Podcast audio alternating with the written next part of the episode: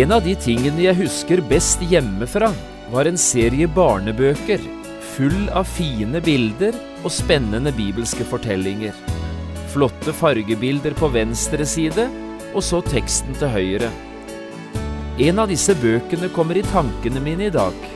Den ligger fremdeles hjemme hos min mor på Notodden, i en skrivebordsskuff i andre etasje. Naaman og den lille tjenestepiken.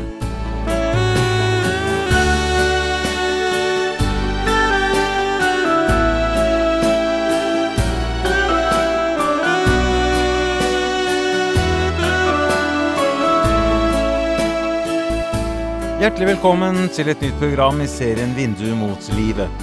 Programmet er produsert av Kristen Riksradio og blir ledet av Jon Hardang. Dette programmet er produsert med støtte fra Sambandet Forlag AS.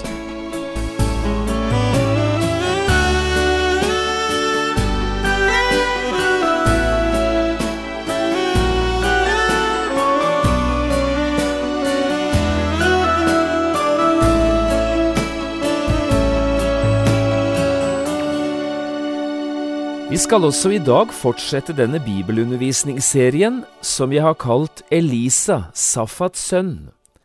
I tolv programmer gjør vi en bibelvandring der vi tar fram de viktigste begivenhetene fra denne store profetens liv. Du kan også få kjøpt denne programserien på CD ved å henvende deg til P7 Kristen Riksradio.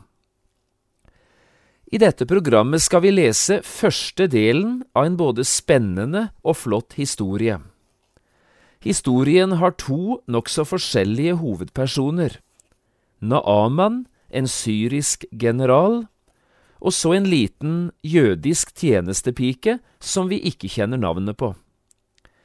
I dag skal vi snakke mest om tjenestepiken, og i neste program skal vi møte Naaman.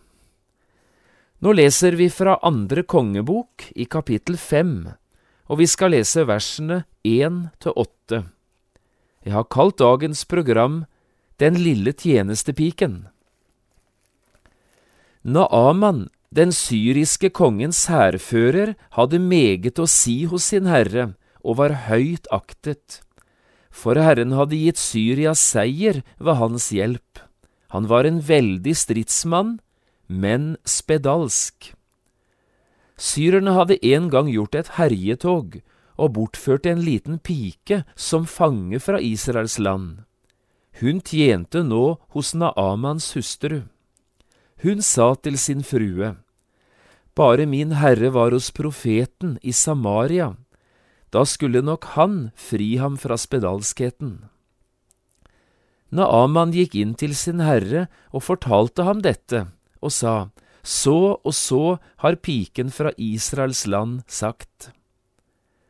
Da sa kongen i Syria, Dra dit, så vil jeg sende et brev til Israels konge. Naaman dro så av sted og tok med seg ti talenter sølv og seks tusen sekel gull og ti festkledninger. Han gav brevet til Israels konge, og i det sto det, Når nå dette brevet kommer til deg, så vil du se at jeg har sendt min tjener Naaman til deg, for at du skal fri ham fra hans spedalskhet. Da Israels konge hadde lest brevet, sønderrev han sine klær og sa, Er jeg Gud, så jeg kan døde og gjøre levende, siden han sender bud til meg og vil at jeg skal fri en mann fra hans spedalskhet? Nå ser dere vel tydelig at han vil ha et påskudd til krig mot meg. Men da Guds mann Elisa hørte at Israels konge hadde sønderrevet sine klær, sendte han bud til kongen og sa, Hvorfor har du sønderrevet dine klær? La ham komme til meg, så skal han få kjenne at det er en profet i Israel.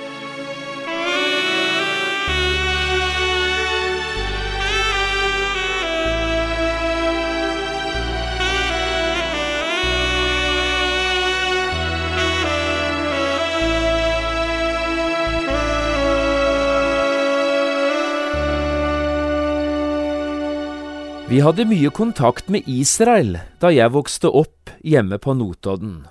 utrolig mye kontakt. Nei, ikke slik at vi ofte hadde besøk av mennesker fra Israel, det hadde vi nesten aldri, men likevel hadde vi kontakt på mange forskjellige måter. På skolen, for eksempel. Hver eneste skoledag, seks dager i uken, startet vi på samme måten, med bibelhistorie. Her ble vi kjent med hele det bibelske persongalleriet, både fra Det gamle og fra Det nye testamentet. Abraham, Isak og Jakob, Gideon, Jefta og Samson, David og Daniel og Paulus og Peter. Og ikke bare lærte vi navnene å kjenne, vi kunne faktisk livshistorien deres. Det var nesten som de ble som venner og kjente for oss. Og framme på veggen i klasserommet hang det alltid tre kart. Et verdenskart, et norgeskart og så et kart over Palestina på Jesu tid. Og dette bibelske kartet var vi minst like godt kjent med som norgeskartet.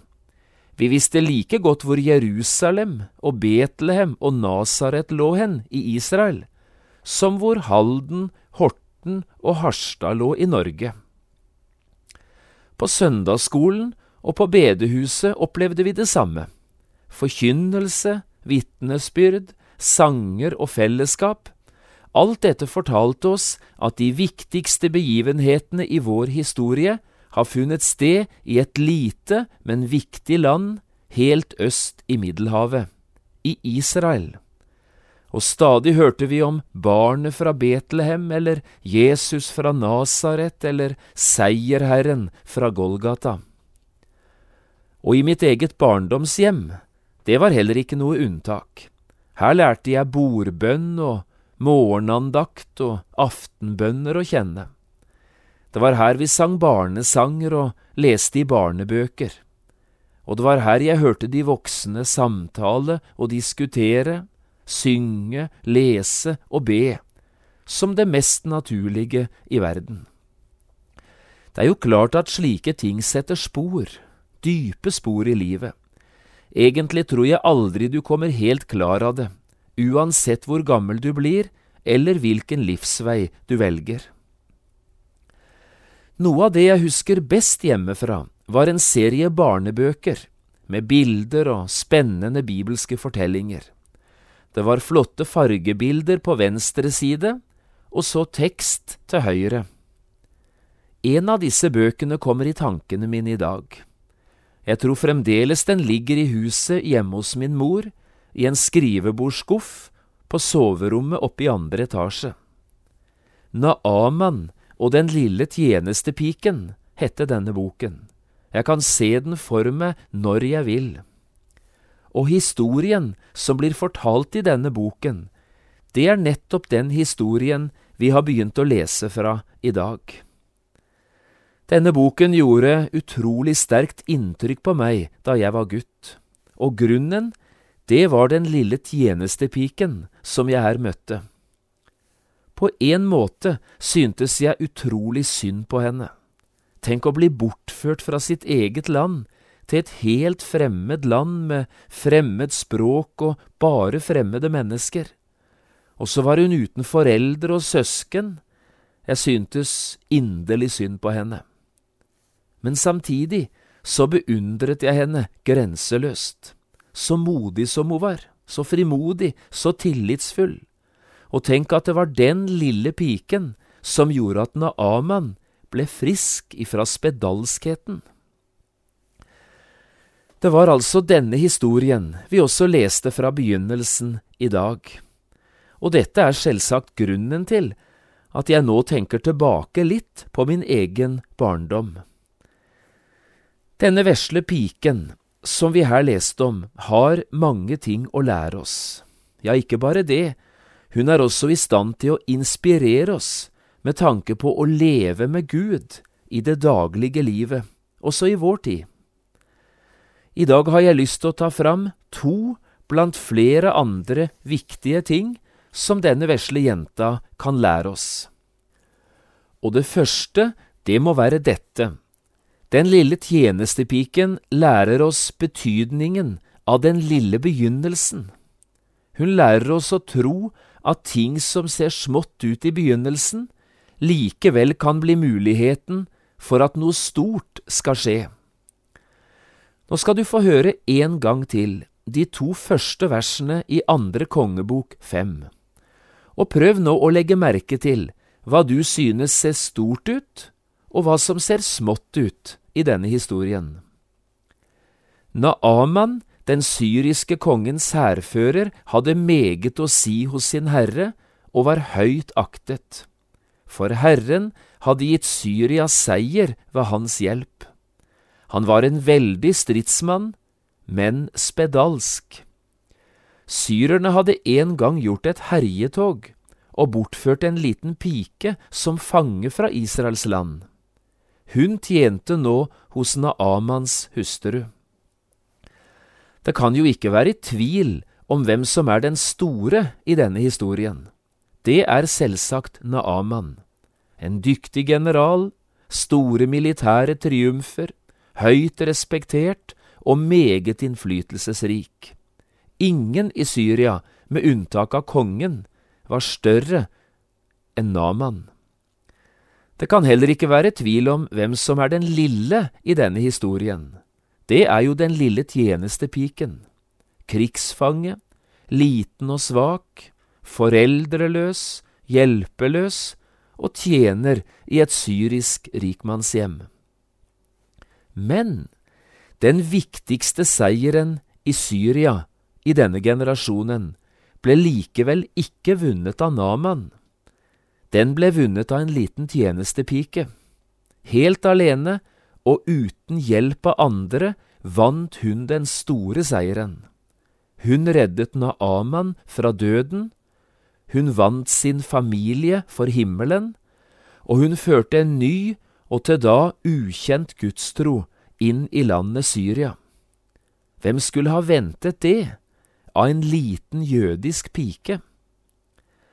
Og det som utløste den store seieren, det var den lille begynnelsen et enkelt vitnesbyrd på 16 enkle ord, båret fram fra et hjerte fylt av omsorg og medlidenhet med en som sto henne nær i livet. Bare min Herre var hos profeten i Samaria, sier den lille piken, da skulle nok han fri ham fra spedalskheten. Det var det hele, den lille begynnelsen. Men her ble grunnlaget lagt for den store seieren. Vi mennesker, i alle fall de fleste av oss, har en tendens til å tenke helt annerledes. Det som ser stort ut og effektivt ut, det har vi tro på, og det satser vi på. Det derimot som ser smått og kanskje puslete ut, det legger vi knapt merke til, og det har vi i alle fall ingen tro for å satse noe særlig på. Men her tenker Gud helt annerledes enn oss.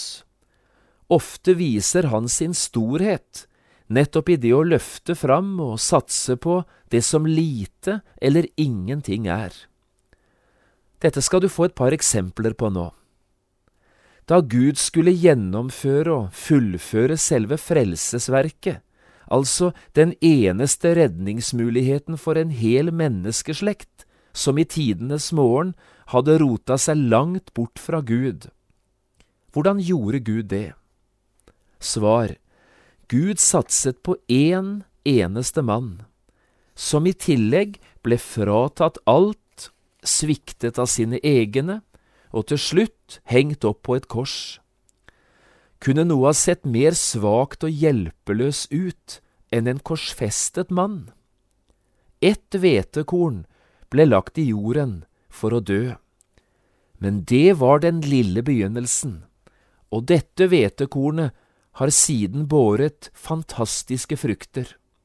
En frelsesbro ble på denne måten bygget ferdig, og millioner av mennesker har etter den tid gjort bruk av denne frelsesbroen, og på den måten funnet veien over fra døden til livet. Det største lå gjemt i det minste. Og da tusener av mennesker satt sultne og forkomne ute i ødemarken, etter å ha hørt Jesus tale og undervise i timevis. Hva gjorde Jesus da for å komme disse menneskene til hjelp? Han brukte en liten gutt, helt parallelt altså med den lille piken som vi snakker om i dag. Det tolv disipler aldri så et fnugg av muligheter for å få til, det gjorde en liten gutt mulig ved hjelp av sin vesle nistepakke. Det så neimen ikke stort ut fra begynnelsen. Her er en liten gutt, sa en av disiplene, som har fem byggbrød og to småfisker. Men hva er vel det til så mange? Men dette lille skulle vise seg å gjemme det største. Ikke bare ble tusener av mennesker mette, det sto tolv fulle kurver igjen av det som var blitt til overs. Hvem har sagt at det ikke er muligheter i noe som ser smått og lite ut? Flere ganger i Bibelen blir akkurat det samme sagt, bare med litt forskjellige ord. I det lille, i det minste små, kan det altså gjemme seg noe ufattelig rikt og stort. Og det er nettopp dette som den lille tjenestepiken i dag vil lære oss. Ikke tenk om noe at det er ubetydelig fordi det ser så smått ut. Tenk heller helt motsatt. Om det ser aldri så smått ut, kan dette bli til noe stort, bare Jesus får lov å ta hånd om det, bare det blir lagt i Guds mektige hånd. Det andre som denne lille tjenestepiken kan lære oss, det handler om dette å representere himmelen, uansett hvem vi er eller hvor vi befinner oss. Den lille piken lærer oss hva det er å være en Guds ambassadør i en både vond og på mange måter brutal verden. Ingen skal beskylde denne vesle jenta for å leve et enkelt og ukomplisert liv. Hun fikk en tyngre vei å gå enn det de fleste av oss noen ganger kommer til å oppleve. Men herjetoget, bortføringen og adskillelsen fra alt det som tidligere hadde vært kjent og kjært, det hadde ikke gjort henne bitter. Av en eller annen usynlig grunn hadde hun maktet å ta vare på både sin frimodighet og sin barnetro. Hun hadde selvsagt aldri blitt utnevnt som Israels ambassadør i Syria, verken den gang eller i dag. Små jenter er ikke skikket til å være ambassadører. Men i et himmelsk statsråd ble hun en gang utnevnt, som ambassadør for kongenes konge, nettopp i Syria. Og denne ambassadørtjenesten utførte hun både med iver i kjærlighet og i troskap. Som vi hørte det da vi leste, det var et stort men i Naamans liv. Han var en veldig stridsmann, men spedalsk. Og nettopp dette skulle bli anledningen for den himmelske ambassadøren i Syria, den lille tjenestepiken, å gjøre sin tjeneste på vegne av Gud. Bare min Herre var hos profeten i Samaria. Da skulle nok han fri ham fra spedalskhet. Og ved hjelp av disse 16 enkle ordene formidler hun de gode nyhetene fra himmelen til Naamans hustru. Ved hjelp av to enkle setninger blir en håpets flamme tent midt i mørk håpløshet. Og denne ilden sprer seg ganske fort, først til Naaman selv, siden til kongens slott, og så er historien i gang. En mektig, men dødssyk general får begynne på sin trosreise. Han får begynne på sin vei tilbake til den levende, men usynlige Gud. Å være Guds ambassadør handler i bunn og grunn om tre ting. Også disse tre tingene kan vi lære av den lille tjenestepiken. Det første hun lærer oss, er dette. Lev et ekte og ærlig hverdagsliv. Vær et trofast og alminnelig hverdagsmenneske i de omgivelsene der du er satt. For det andre, bruk enkle og varme ord når Gud gir deg muligheter til det. Tal om de mulighetene som finnes i møte med Gud og Hans ord. Og for det tredje, stol på at Herren er i stand til å velsigne både deg og ditt liv og dine ord. At dette så er en tjeneste som bærer frukt, det skal du ikke bare få høre om i det neste programmet. Da skal vi nemlig snakke om Naaman og hvilke frukter jentas ambassadørtjeneste fikk inn i hans liv. Dette kan du også få oppleve selv i ditt eget hverdagsliv. Det bærer frukt, det å være en Guds ambassadør.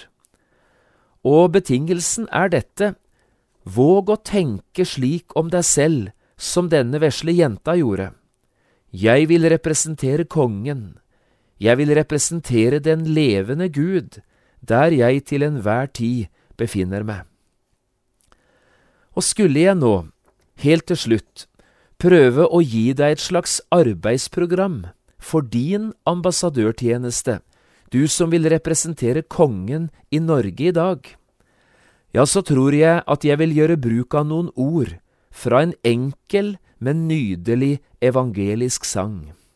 Enklere og finere enn dette tror jeg ikke det kan sies hva det er å være ambassadør for Gud i denne verden. Hør på dette. Et lite ord om Jesus, en vennlig utstrakt hånd. Et lite ord om Jesus, velsignet av Hans ånd. Her gjelder ikke former, ei heller blomsterspråk. Et lite ord om Jesus, og si det, si det dog. Vi blir så små hos Jesus. Det vil han vi skal bli. Først da kan vi om Jesus det rette ord få si. Da blir det ham alene, og ikke meg og mitt, og hvis jeg så fortjene, da er det nåde blitt. Det største ord om Jesus er Jesus synderes venn. Det beste ord om Jesus er dette ord igjen. Det største og det beste, hva kan jeg mere si? Gud, la mitt liv og feste kun dette ord forbli. bli. Slike ambassadører som praktiserer dette, de blir nok sjelden eller aldri nevnt i historiebøkene. Men de har en evne til ofte å sette dype spor i frelseshistorien. Og det siste er mye viktigere enn det første.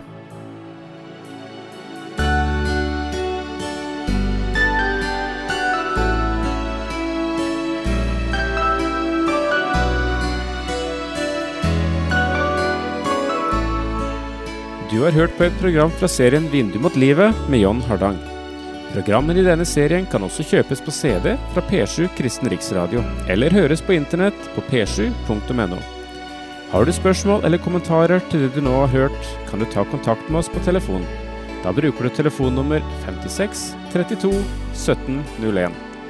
Du kan også sende oss en e-post. Adressen er vml krøllalfa p7.no. Takk for i dag, og på gjenhør.